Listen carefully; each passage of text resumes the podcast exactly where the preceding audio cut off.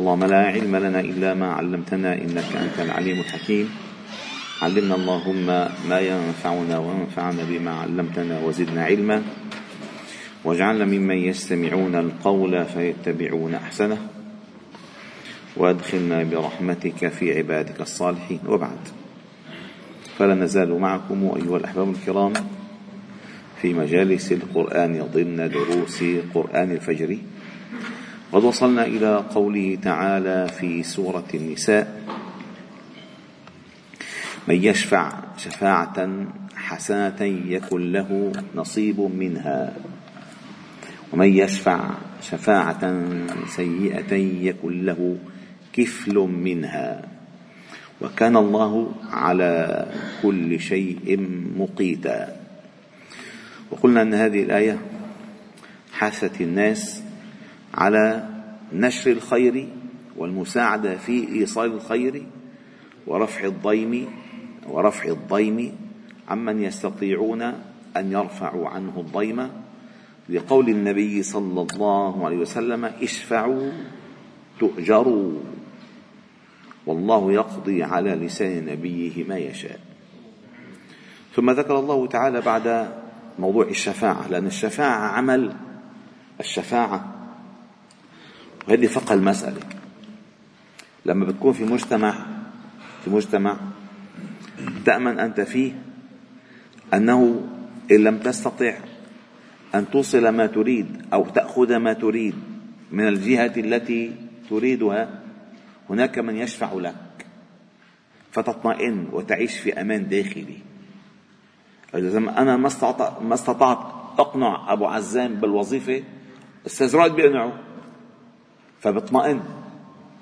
بصير عند الإنسان اطمئنان أن هناك مع المسلم من يشفع له لقضاء حاجته ولإعطائه سؤله فيطمئن. فبعدما ذكر الله تعالى هذه الشفاعة الحسنة وأنه من يشفع شفاعة يكن له نصيب منها هذه الحسنة. هناك شفاعة سيئة يكن له كفل منها من الوزر ذكر الله تعالى المناخ العام في الأمة. المناخ العام. في مناخ.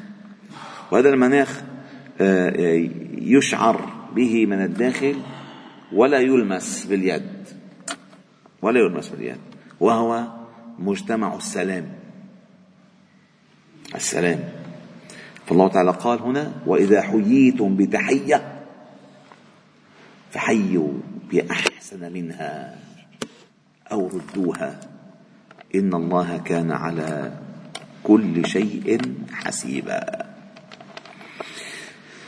تعلمون أن تحية الإسلام السلام. وهذه التحية علمها الله تعالى آدم مذ أن خلق. فعندما خلق الله تعالى آدم قال اذهب فسلم على هؤلاء النفر. فذهب فسلم عليهم الملائكة فقالوا له وعليك السلام ورحمة الله. فقال الله تعالى له هذه تحيتك وتحية ذريتك من بعدك. السلام هذه تحيتك. والله تعالى من أسمائه السلام.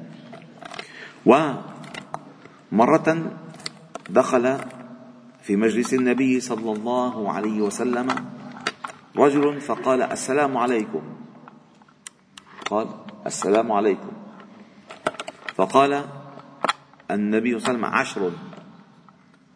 عشر. فدخل آخر فقال السلام عليكم ورحمة الله.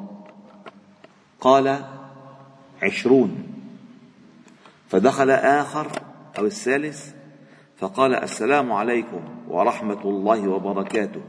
فقال ثلاثون.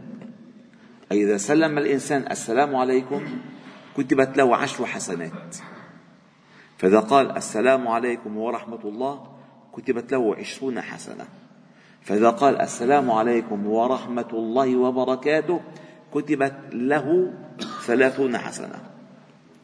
ومرة كذلك دخل رجل إلى النبي صلى الله عليه وسلم فقال السلام عليكم. فرد عليه النبي صلى الله عليه وسلم فقال وعليكم السلام ورحمة الله. ثم دخل آخر فقال السلام عليكم ورحمة الله. فرد النبي صلى الله عليه وسلم عليه فقال وعليكم السلام ورحمة الله وبركاته. فدخل الأخير فقال السلام عليكم ورحمة الله وبركاته. فقال وعليك.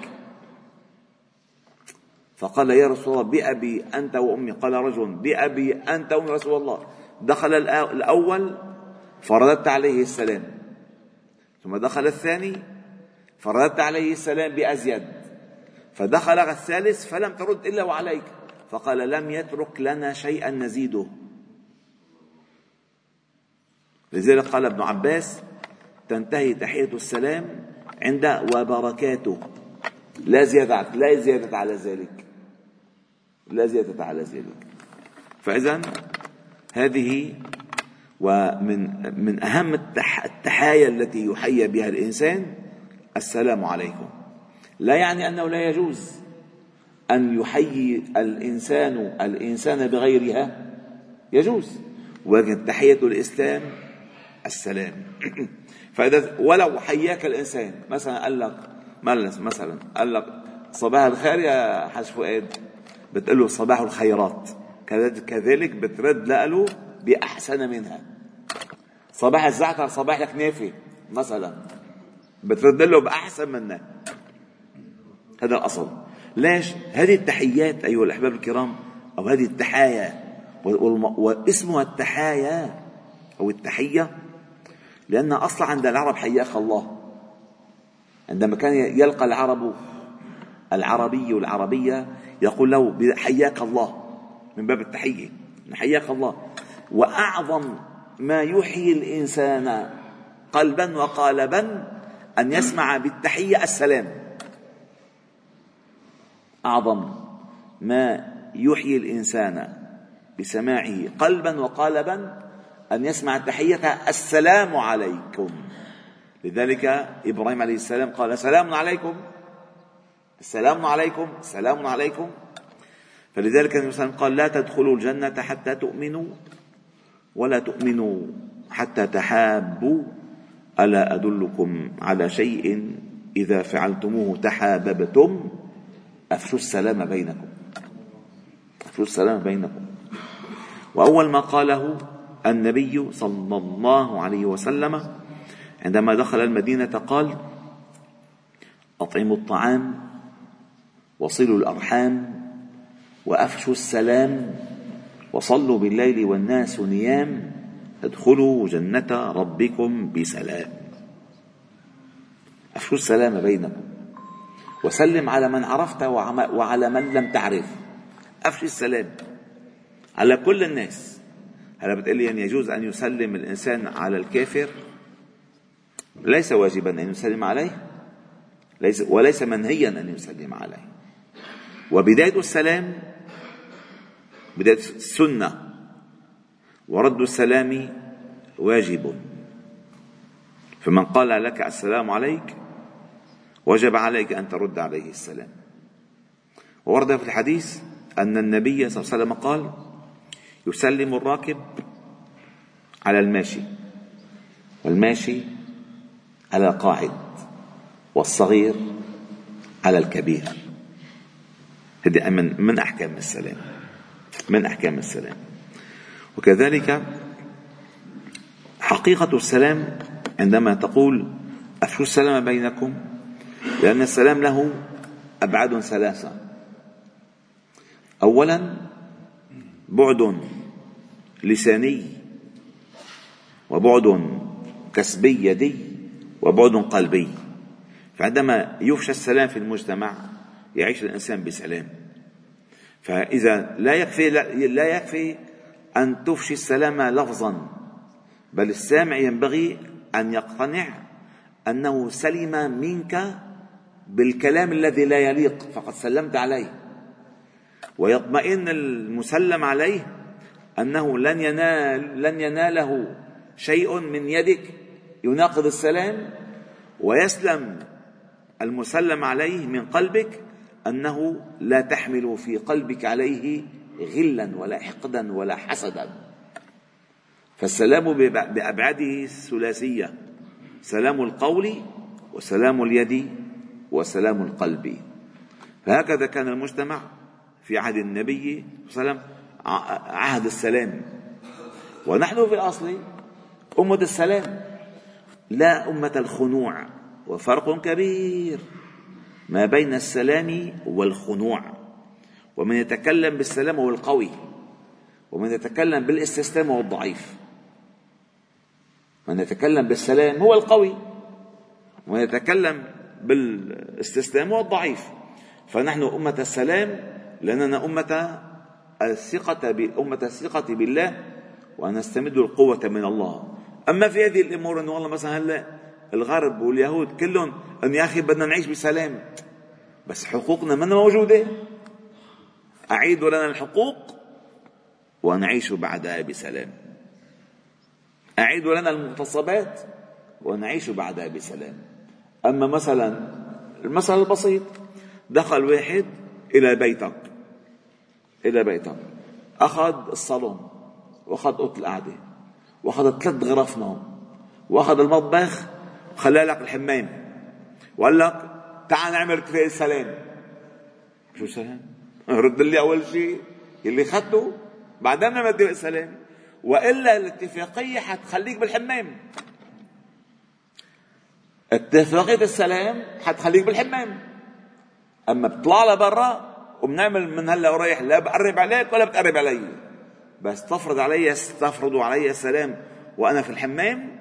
هذا لا يصح. تطلع بياخذ ما حقي ثم أضع ما بيني وبينك قواعد أو بنود اتفاقية السلام. هذا هو التلاعب على الناس. يعني مين مين منكم إذا منه شايفه وهو صغير عم يشوف اولاده هن وصغار؟ ما حضر توم وجيري. ما كلكم تعرفوا ما بتعرفوا يا محمد محمد السكريه محمد مسيكا مزبوط طيب. توم وجيري هو صحيح حلو وبيضحك بس في أفكار باطنية إحنا ما بنفهمها. شو هي؟ هي إنه المخ العقل الباطن رسخ فيه حقيقة عكست مشاهدة وهو أن الذي عنده بيت صغير. ضمن بيت كبير هو الذي له الحق. وهذا الذي يقوم بدوره القط لما بيلاحق الهرة عم يقوم بدوره ولا ما بدوره؟ وظيفته ولا ما وظيفته؟ ولكن الناس كلها يتعاطفون مع مين؟ مع الفأر لا الفأر له حق في البيت الصغير.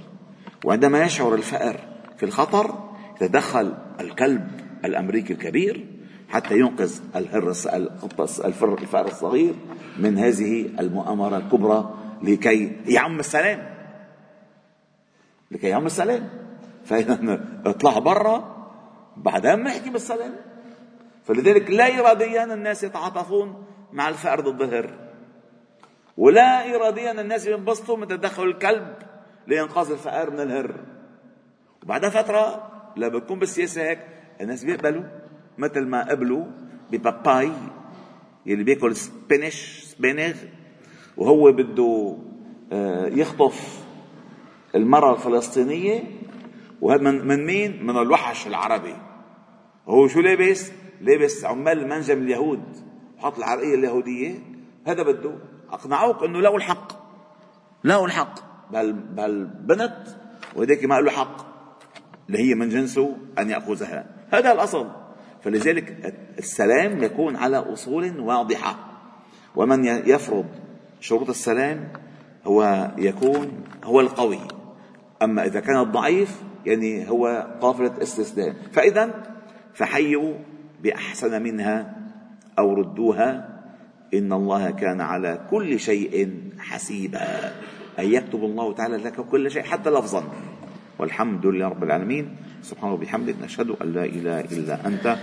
نستغفرك ونتوب إليك. وصلي وسلم وبارك على محمد وعلى آله وأصحابه أجمعين. والحمد لله رب العالمين.